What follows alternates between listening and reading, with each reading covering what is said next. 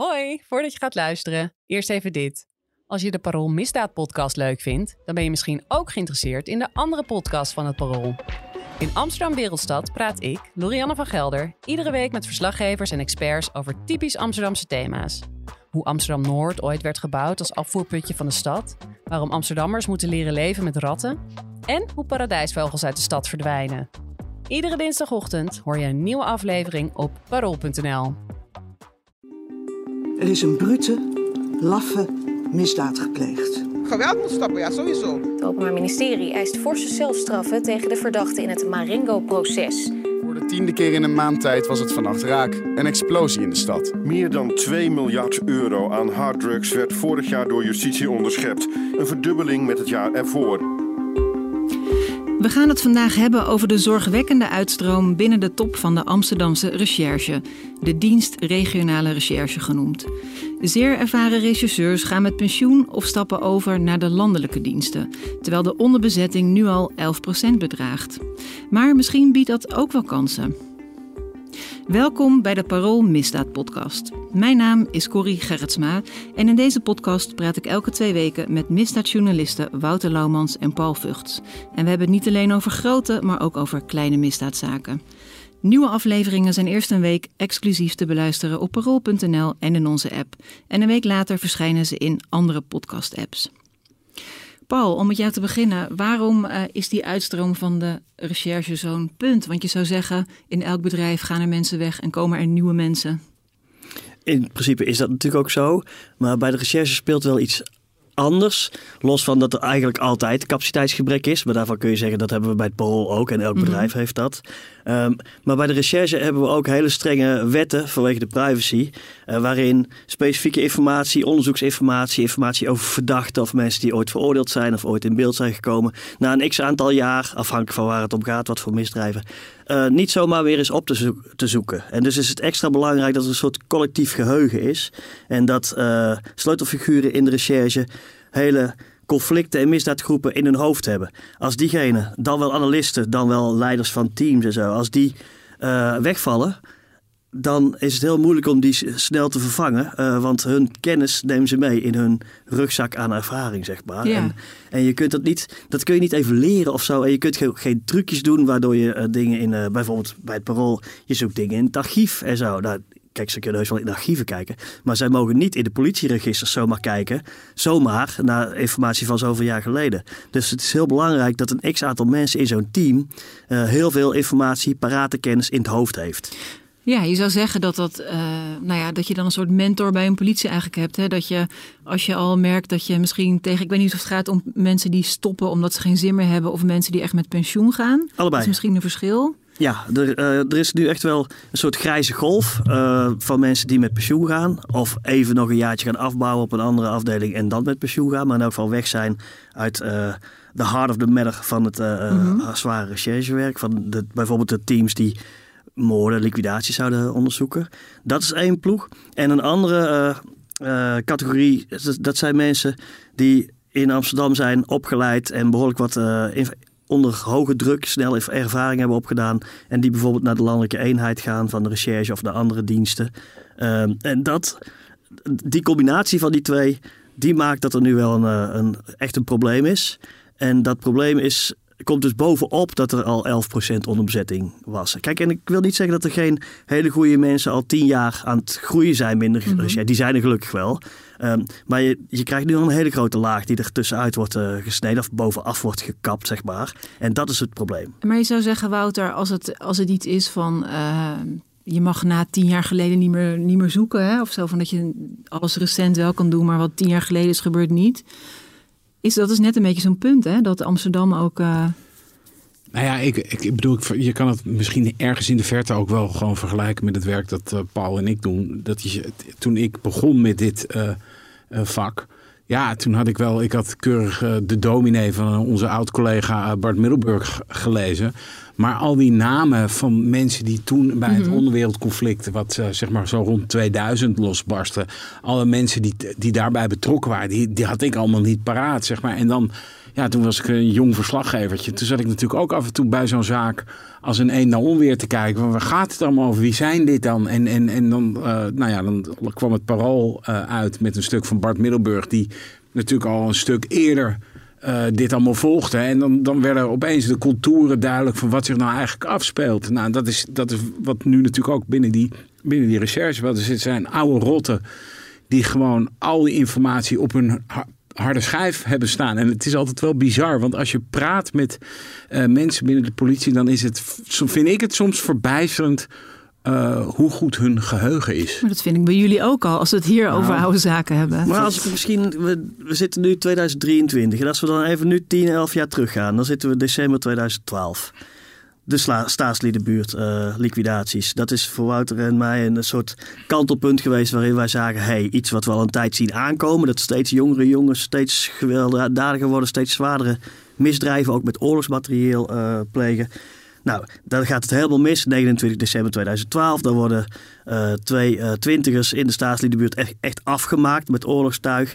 Het, eigenlijk het doelwit. Ben A kan vluchten in het water. Nou, daar hebben we veel over gezegd. Maar er wordt met oorlogswapens geschoten in die straten. Gewoon voor in de, in, in de avond. Kogels door kinderkamer, kogels door woonboten.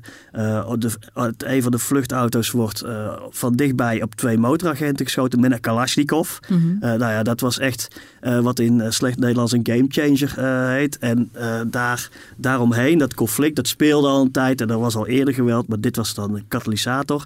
En die hele groep daaromheen, de, de tien jaar daarna, uh, dus tot vrij recent, is, uh, is er een oorlog, uh, onderwereldveten uitgebroken en bes, beslecht geweest. Waarin echt tientallen jonge gasten, twintigers, begin dertigers, zijn vermoord. Of, en of sommigen waren eerst doelwit zijn ontkomen, kwamen later heel lang in de gevangenis. Anderen zijn heel jong bij, conflicten, bij het conflict betrokken geweest en zitten nu hele lange celstraffen uit als je dat conflict, uh, Wouter en ik hebben daar elk twee boeken over geschreven. Als je dat conflict uh, niet in je hoofd hebt, dan heb je het heel erg moeilijk nu om even in te stromen. Nou, mm -hmm. gelukkig van 2012 terug, er zijn echt heel veel mensen erover die dat nog wel hebben uh, in hun hoofd hebben. Maar als je nu nieuw erin komt, dan is het super ingewikkeld. Als je die 50 namen, zeg maar, als die jou nog niks zeggen. Uh, en dat is wat, uh, wat ik met Wouter helemaal... Maar je zou ook zeggen, dat kan iemand toch... Dat de politie weet het ook, ja. hè? En die baas weet het ook. Schrijf het allemaal op zijn prikbord. Naampjes erbij, ja, trefwoorden, je moet er ook, rode lijntjes. Dat is, dat is ook zo. Maar uh, wat ik denk dat bij die oude hap... om het maar even oneerbiedig te noemen... die voelen hier wat bij. Snap je? Als jij. Maar dat, dat het hun know-how is omdat nou, zij nee, op die omdat zaak je, zaten? Nou ja, omdat je dus gewoon, zeg maar, die hebben over die plaatsen delict heen gelopen op zoek naar bewijs. Die zijn op jacht gegaan naar daders. Die hebben daarover eindeloos over nagedacht. Die hebben daar uh, over vergaderd met collega's, met analisten, met elkaar. Van hoe moeten we dit nou zien? Uh, hoe, hoe moeten we dit wegen? Wie, wie is dit? En welke kant staat hij nu? En, en als die geen. Wat, wat, wat je natuurlijk wel ziet. Uh, dat opeens iemand die best wel lang van de radar is geweest, opeens weer terugkomt in een strafrechtelijk onderzoek. Dan is het heel handig als jij dus denkt van, ah, als je een soort pingetje in je hoofd hebt, ping, ah ja, maar die ken ik nog wel. Wacht even, want dat is diegene die toen, acht jaar geleden, daar en daar, zus en zo, en dit en dit en dit heeft, uh, die daarbij nee. betrokken was. Of zijn zoon. Je hebt ja, dus anders dan een trefwoord op een kaartje, dat snap ik ook. Ja. ja. Nee, het kan ook zo zijn, dat hebben Wouter en ik ook, dan komt er ineens een naam langs en denk je, hé, hey, verrek, die naam, die kennen we. Deze is ongeveer 20 jaar jonger. Is het niet de zoon van een crimineel uit die uh, periferie toen? Uh, en dan blijkt dat soms zo te zijn. En dat is super interessant, want dan ga je in zo'n jongen verdiepen. En dan is het wat in de bovenwereld nepo-baby's wordt uh, genoemd. Dus als jouw vader is filmster en de zoon of dochter komt ook heel soepeltjes de filmwereld in. en ontkent vervolgens dat dat een rol heeft gespeeld. Nou, dat is bij in de onderwereld natuurlijk niet anders. Dus die structuren, die contouren. Um, er is niet zo lang geleden een uh, liquidatie geweest, in juli was dat, uh, van Dwight Mook. En dan komen wij er uiteindelijk uit, hé hey, wacht, is dat niet iemand die in de uh, reguliere dwarsstraat een vreselijk misdrijf heeft uh, gedaan. Zaten we eerst, als ik even voor mezelf mag spreken, op het verkeerde misdrijf. Er is daar een verschrikkelijke schietpartij ook geweest. Ja, uh, die was wel niet. vaker wat toen maar, in die tijd. maar vervolgens komen we op zo'n gast. En dan kun je hem helemaal inkleuren aan de hand van uh, wat je zelf een beetje weet. Wat je erbij kunt vinden. Omdat je twintig jaar geleden ook al toen een beetje in die scene zat. Nou, dat geldt voor de recherche ook. En het is... Uh, best wel wonderlijk en ook wel zorgwekkend, vind ik, dat het wel eens voorkomt dat Wouter of ik wordt gebeld vanuit, door iemand vanuit de opsporing met de vraag: Weet jij nog hoe dat en dat toen zat? Weet je? Want jij hebt vast nog het dossier op je laptop staan en wij mogen niet meer kijken.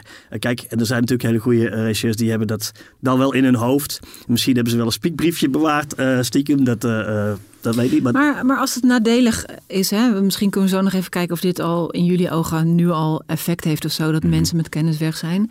Maar dan zou de oplossing toch ook kunnen zijn dat het zo belangrijk is dat mensen wel in al die dossiers Ja, mogen maar kijken. dat, privacyregels zijn streng in dit land. Uh, en uh, die, die, worden vervloekt, wel eens door de politie. Uh, en aan de andere kant. niet. Waarom, waarom, waarom is dat onder privacy dat je niet iets ouder van zoveel nou, jaar nou, je hebt de wet op de politiegegevens, bijvoorbeeld. Ja. Er zijn meer wet en regels. Maar dus van sommige misdrijven mag je na vijf jaar al geen, ja. niet meer zomaar kijken. Wel, kijk, als er een heel grote, een belangrijke verdachte is, uh, uh, dan moet je via, via, via de omweg. Er zijn wel mensen met taakaccenten en zo die dan nog alsnog mogen kijken. Maar dan kun je niet zomaar als regisseur. Jij mag niet zomaar in de oude zaken zitten neuzen, uh, digitaal. En het is niet altijd vijf jaar. Want die termijnen, dat Mhm. hangt erg af van uh, de misdrijven waar het om ging.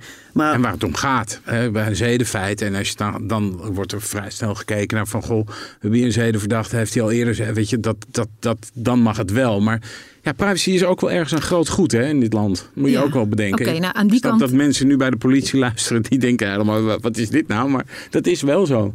Ja, dat snap ik. Ik probeer het even pragmatisch te bekijken. Ja, ja dat is goed. Um, maar stel, okay, aan die kant ligt dus geen oplossing dan moet je natuurlijk heel erg zorgen dat je op tijd die kennis gaat overdragen. Maar dat, dat, dat gebeurt overigens wel.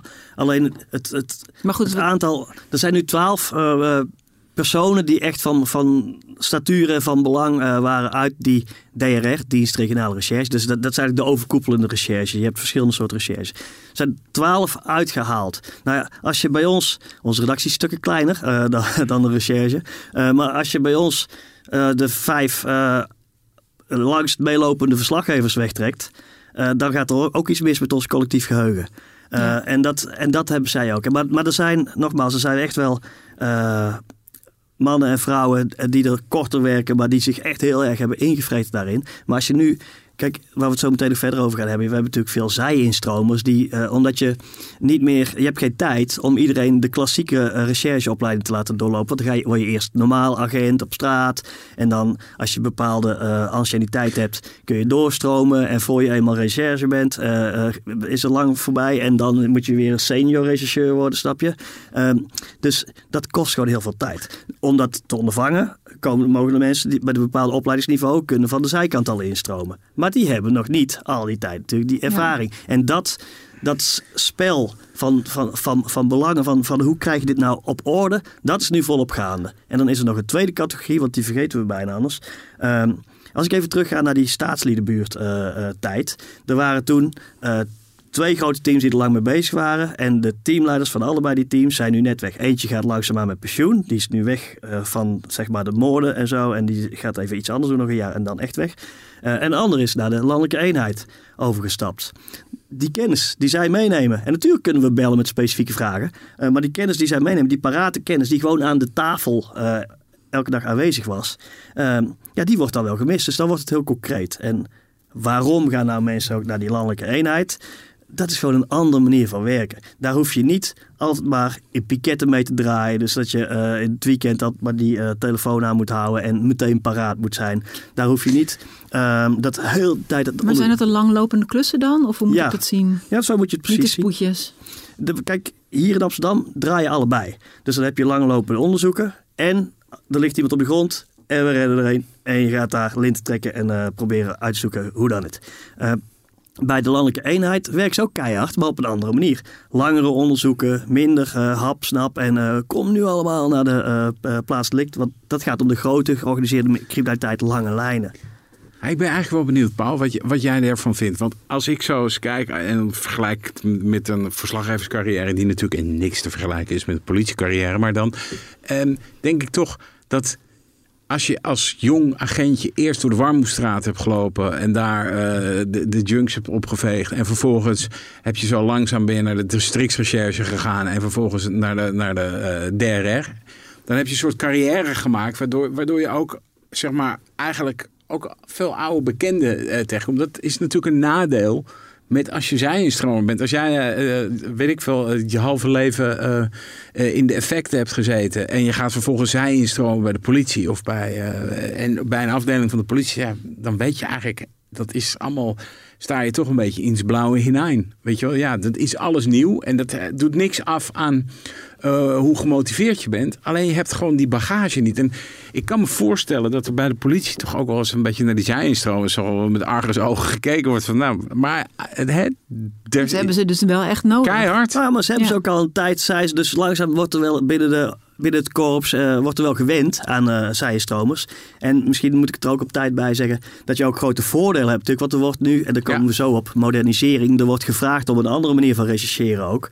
Eh, dus bijvoorbeeld veel meer analytisch kunnen kijken naar data. En dus heel die, die PGP-berichtjes waar we het zo vaak over gehad hebben. De onderschepte, ontsleutelde berichten die criminelen elkaar verstuurden. Daar intelligent mee analyseren en zo. Dus, de, dus dat heet tegenwoordig datagedreven rechercheren.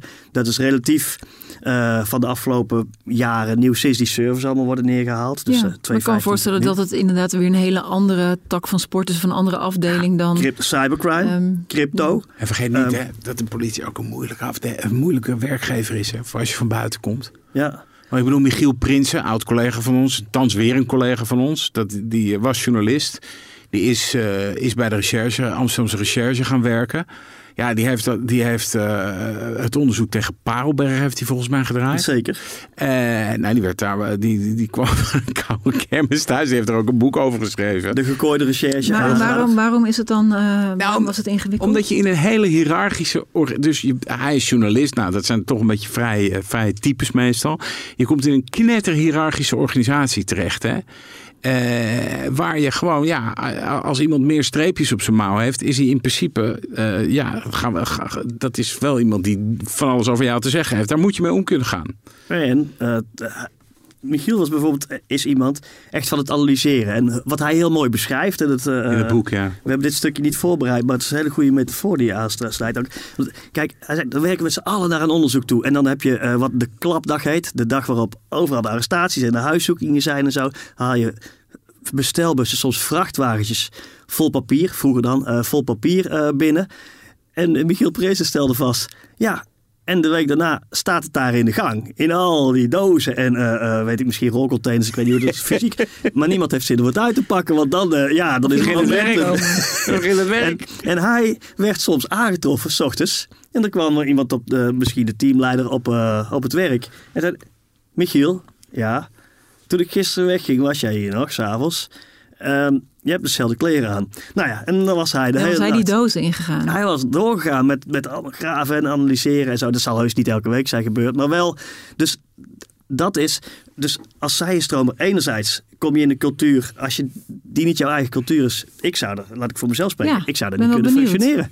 Ja, ja, je maar je weet hebt het. misschien wel opeens veel meer. Want nu zijn jullie natuurlijk ook in je baan. Ben je eigenlijk een soort recherche, maar dan. Nee, wij zijn journalistieke notulisten. Wij gronden. zijn de notulisten. Wij staan aan het lint. Wij draaien natuurlijk geen onderzoeken. Nee, maar goed, je zoekt wel heel veel uit. Ja. En dan heb je dus meer privileges. Dan mag je wel overal Dat in. valt best wel tegen, hè? Want wij mogen Mag je nu meer, denk je? Nou ja, wij mogen eigenlijk in principe... Dat de, politie is wel eens meer. jaloers op ons. Dan zeggen ze, eh, eh, jullie mogen alles. Nou ja, wij mogen niet alles. Maar goed, zij hebben alle gegevens. Nee, maar kijk, ja, ja, ja, maar kijk, maar zij, zij hebben heel veel bevoegdheden.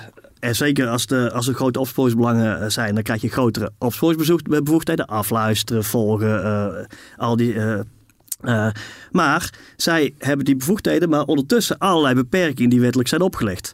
En wij mogen eigenlijk alles wat redelijk is uh, binnen de journalistieke. Uh, Alleen we publiceren het niet allemaal, Paul. We publiceren zeker niet alles. En wij moeten. Uh, en wij kunnen geen. Als we het bewijs net niet rondkrijgen, mogen we niet even een tapje zetten of zo. Dat, dat gaat niet. Maar we hebben wel de vrijheid om te spreken met wie we willen. En ik hoef niet de hele tijd naar een chef of naar een officier van justitie.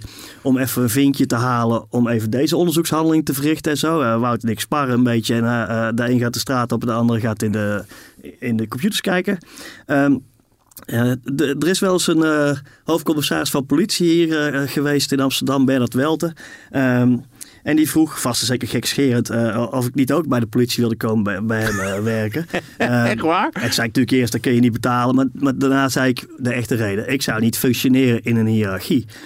In zo'n soort strakke hiërarchie. Jij weet ook, Corrie zeker als chef, maar we zijn bij het Perron nogal een platte organisatie. Ja, we gaan niet nu jouw functioneringsgesprek voeren. dat lijkt me nee, een goed idee. Ik daag maar analist bij de recherche, dat lijkt mij wel fascinerend. Jawel, maar je mag zoveel dingen niet. En, dat, nee, dat, en dat is waar. wat ik net zeg, zei toen eigenlijk de toenmalige hoofdcommissaris Bernard Welten van... ja, wij hebben inderdaad al die bevoegdheden, maar jij hebt de totale vrijheid om wat jou goed dunkt uh, uh, ja. te gaan doen of niet doen. En nou ja, dat is inderdaad een verschil.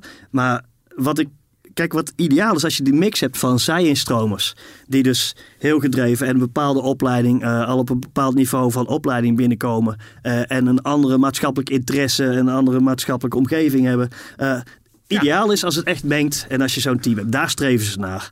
En dat hebben ze nu bijvoorbeeld ook in die teams. Je hebt noodgedwongen eigenlijk, door dat, door dat gebrek aan capaciteit, heb je, je hebt het heet altijd verschrikkelijk, team grootschalige opsporing. Dat betekent, dat zijn eigenlijk de moordbrigades van vroeger.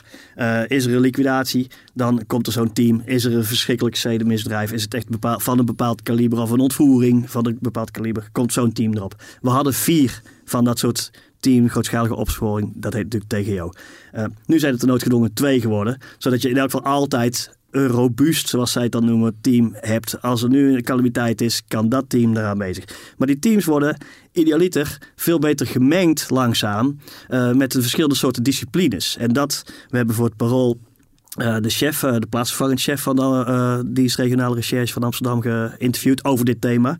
en die zei ook, ja, de, die uitstroom is een groot probleem. Het capaciteitsgebrek is een groot probleem, maar het geeft ook de kans te moderniseren. En dan is het vooral moderniseren in ons werken als team. Uh, dat we meer met die data doen. Dat we meer met um, cyber doen, handiger zijn uh, om in computers uh, te werken. Ondertussen, en dat werpen dan uh, de ervaren rechercheurs die ik zeer serieus neem ook uh, tegen. Die zeggen ja, maar we zullen het er ook moeten observeren. Dat moet je kunnen. Tappen moet je kunnen. Je moet... Uh, ja, want dat vraag ik me af. Want ik kan me voorstellen dat dat soort, dat soort kwaliteiten ook komen van mensen die wel beginnen als agent op straat. Denk jij, Wouter, dat, dat, dat het zijn van uh, werken bij de politie of agent... dat het de afgelopen jaren nog even interessant is? Of is ja. er net als bij leraren dat er zoiets omheen hangt van... dat wil je niet meer doen? Nou ja, nee, die werkdruk is enorm. Ik, ik, ik sprak um, niet, uh, niet al te lang geleden... toen heb ik koffie gedronken met uh, John Pell. Nou, Paul kent hem ook goed. En dat is een oud forensisch regisseur. Ja, en die zegt ook dat bij FO... Hè, dat technische recherche. Ja, forensische opsporing. Dat ook daar die uitstroom uh, gigantisch is. En, en met... Kijk, de meeste politieagenten die ik spreek... hebben altijd een, een soort haat-liefde verhouding met hun werk. Dus aan de ene kant zitten ze altijd te mopperen over, over, over hun werkomstandigheden. En op, uit, aan, aan de andere kant willen ze eigenlijk ook niks liever dan bij die grote blauwe familie horen. Dus dat, ik denk al wel eens, het hoort er ook gewoon bij dat de, de, die werkdruk is, uh, ja, is enorm. En tegelijkertijd denk ik dat al die mensen die daar werken, die, die toch wel beschouwen als iets heel waardevols om daar. Uh, het lijkt me geen baan waar je zomaar inrolt van goh, wat zou ik nu eens gaan doen. Uh, dat je toch wel echt heel gedreven bent. Nou ja, je wil iets betekenen voor de maatschappij. Dat, dat, dat, zie je ook wel bij leraren en dat zie, dat zie je ook wel in andere, uh, in andere beroepen. Maar ja, daar is het echt wel. Dat zijn heel, die, die, die hebben daar toch ook een soort met van. Ja, dat is een levensvisie, hè? Werken bij de politie. Dat, is, dat, dat doe je niet om, omdat je. Ja, uh, ergens anders kun je vaak meer verdienen. Maar dat doe je ook omdat, je, omdat dat werkje gewoon ligt. Het is best. Uh, kijk, het is natuurlijk puzzelen. Vinden Wout en ik ook leuk. Maar puzzelen aan een zaak. Uh, maar ook wel, in Amsterdam zeker, bij de grote teams, altijd aanstaan. piketten draaien en zo. Maar dezelfde die altijd mopperen over weer piket, weet je wel, die Ja, staan als dan kan je allereerste. altijd worden, hè? ja, dat Nou ja, Wouter, Wouter weet wie ik bedoel, maar er, heb- er is nu een van de, de kopstukken die eh eh, langzaam aan het weggaan is. Nou ja, Bob Schagen kan zijn naam wel gewoon noemen. Ehm, die, die heeft allemaal echt, die onderzoeken die hij heeft gedaan, dat is, dat is de helft van wat wij zo'n beetje beschrijven. Als ik een klein beetje mag eh, overdrijven, de afgelopen eh, decennia. Ehm, maar die dan altijd paraat samen met zijn maatje eh, Theo. En, maar die, dan is er ineens is er even niemand. Dan, moet er, dan is er iets in een garage wat nog nagelopen moet worden. Iets met een liquidatie te maken in de derde. Dus ergens zou een auto staan. En dan is er even niemand voor. En dan komt de volgende dag komen mensen op hun werk. En dan ziet hey, een proces verbaal. hey, is hij zelf even naar die garage gegaan en daar even onderzoek gedaan. Fotootjes, dingen, verslagje en zo.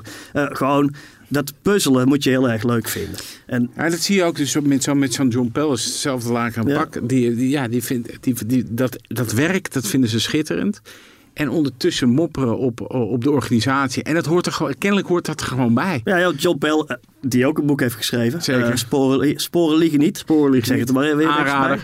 Eh, maar die beschrijft dat ook. Ja, die heeft meerdere keren zodanig in de clinch gelegen met de leiding... dat er echt glazer kwam, dat hij de berispt En die is. maakt van zijn hart ook geen moordkuil, kan ik Nee, je en dat, vertellen. En dat in geen organisatie, dat zou bij het parool niet zomaar kunnen. En dat kan binnen de eh, politie ook niet zo. Dat je overal in de contramine gaat en denkt dat je zelf beter weet en daar ook naar handelt.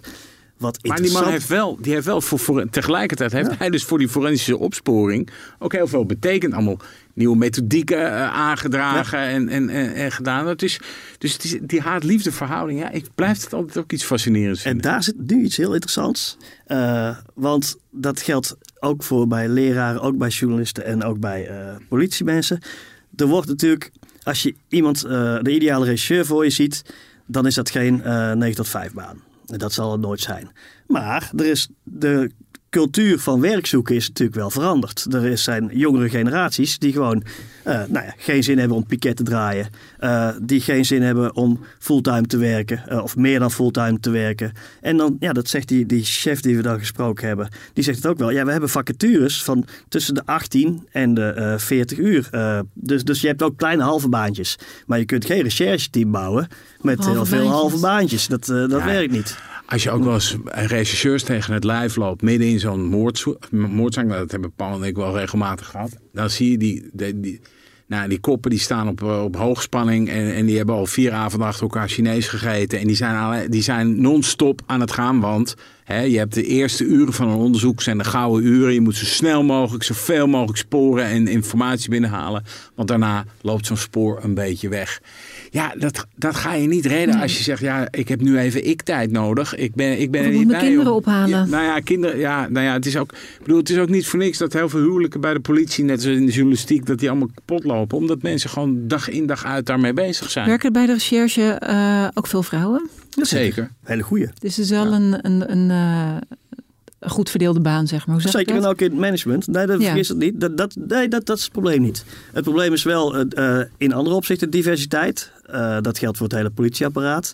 Eh, te weinig mensen met een andere culturele achtergronden. eh, te weinig mensen met, nou ja... Diversiteit. Dus Allerlei diversiteit.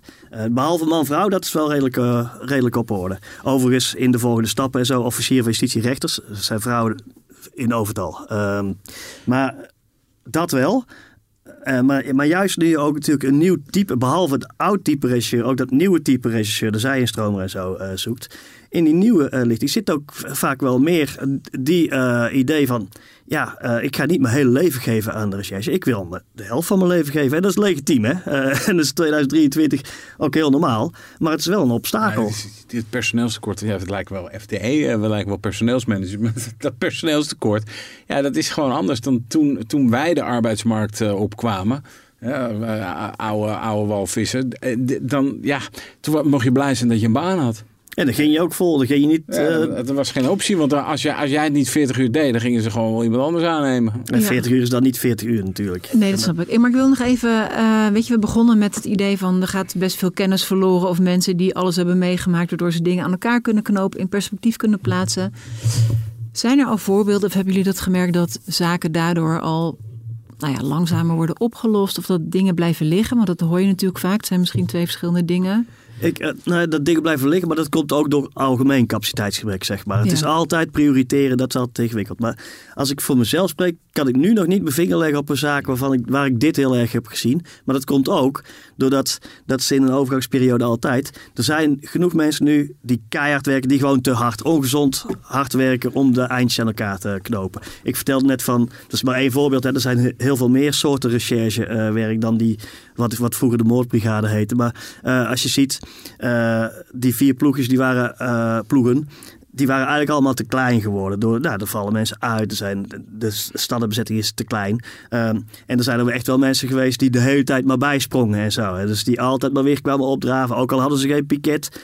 Nood aan de man, toch komen. Maar dat is natuurlijk geen, voor de lange termijn geen goed eh, idee. Maar ik, ik, voor mijn gevoel is dat nu nog wel gaande. Dat, dat, dat mensen echt op hun tenen lopen en met hun tong op de eh, eh, schoenen. Ja, maar je hoort eh, natuurlijk achter wel ook gewoon, zeg maar, als we landelijk kijken, dat bijvoorbeeld zedenzaken eindeloos op de plank blijven Ja, liggen. Maar Eh, dat ze echt moeten kiezen, we kunnen of dit oplossen, of we moeten al die kleine zaken Ja. doen. En dat Maar- is maar dat is natuurlijk altijd wel echt een geweest. Die capaciteit- En die capaciteitsprobleem. capaciteit is er buiten openbaar. Die problemen zijn er ook buiten het openbaar ministerie en ook bij de rechtbanken. Dus die wordt, dat wordt wel verergerd, begrijp me niet verkeerd. Maar dat was eigenlijk altijd al. En, en dan, als je ziet, we hebben in het verleden die verschrikkelijke enorme zedenzaak rond Robert M. eh, eh, gehad. Die, Ja, die was van de kinderopvang in Amsterdam, met, hè? ja, met hele kleine kinderen eh, oppas en bij de kinderopvang werkte. En een verschrikkelijke misbruikzaak. Ehm, dat krijgt dan alle aandacht heel lang en zo. Ja, dan zie je, dan vallen allerlei andere dingen af. Neem het eh, MH17-onderzoek, onderzoek het door de Russen neergehaalde vliegtuig eh, MH17. Eh, daar is de helft van de capaciteit van de landelijke eenheid bijvoorbeeld zo'n beetje jarenlang aan gegeven. Ja, dan gaan er uiteraard allerlei andere zaken niet door. Dat is natuurlijk ook een beetje met, als je dan weer denkt aan de zaak waar we ooit deze podcast over begonnen, Marengo. Ja.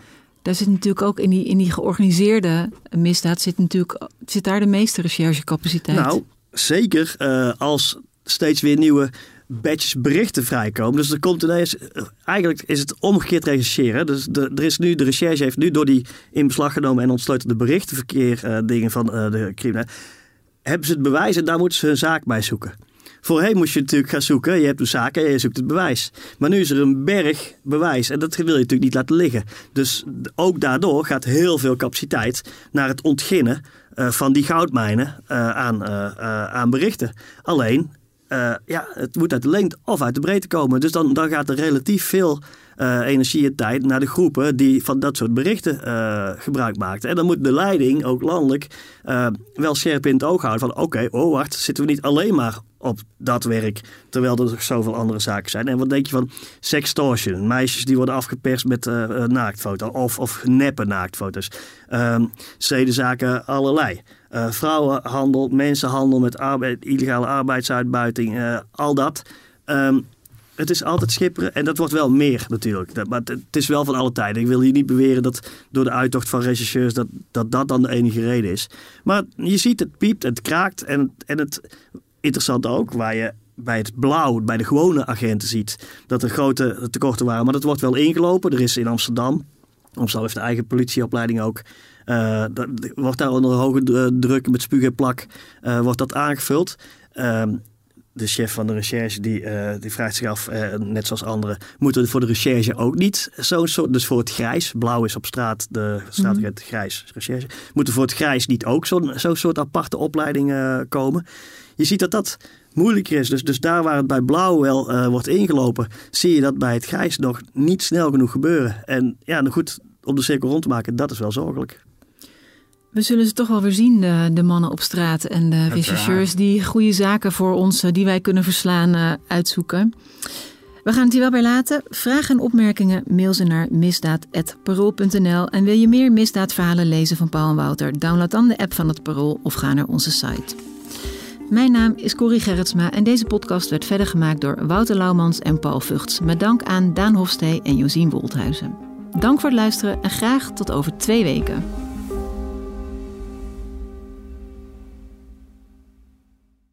Hallo, ik ben Camilla Leupen, hoofdredacteur van Het Parool. Heb je genoten van deze podcast? Dan vind je onze artikelen misschien ook interessant. Een abonnement heb je al voor een paar euro per week. Je kan het ook eerst een paar weken proberen. Ga naar parool.nl slash podcastactie voor een actuele aanbieding. Dag!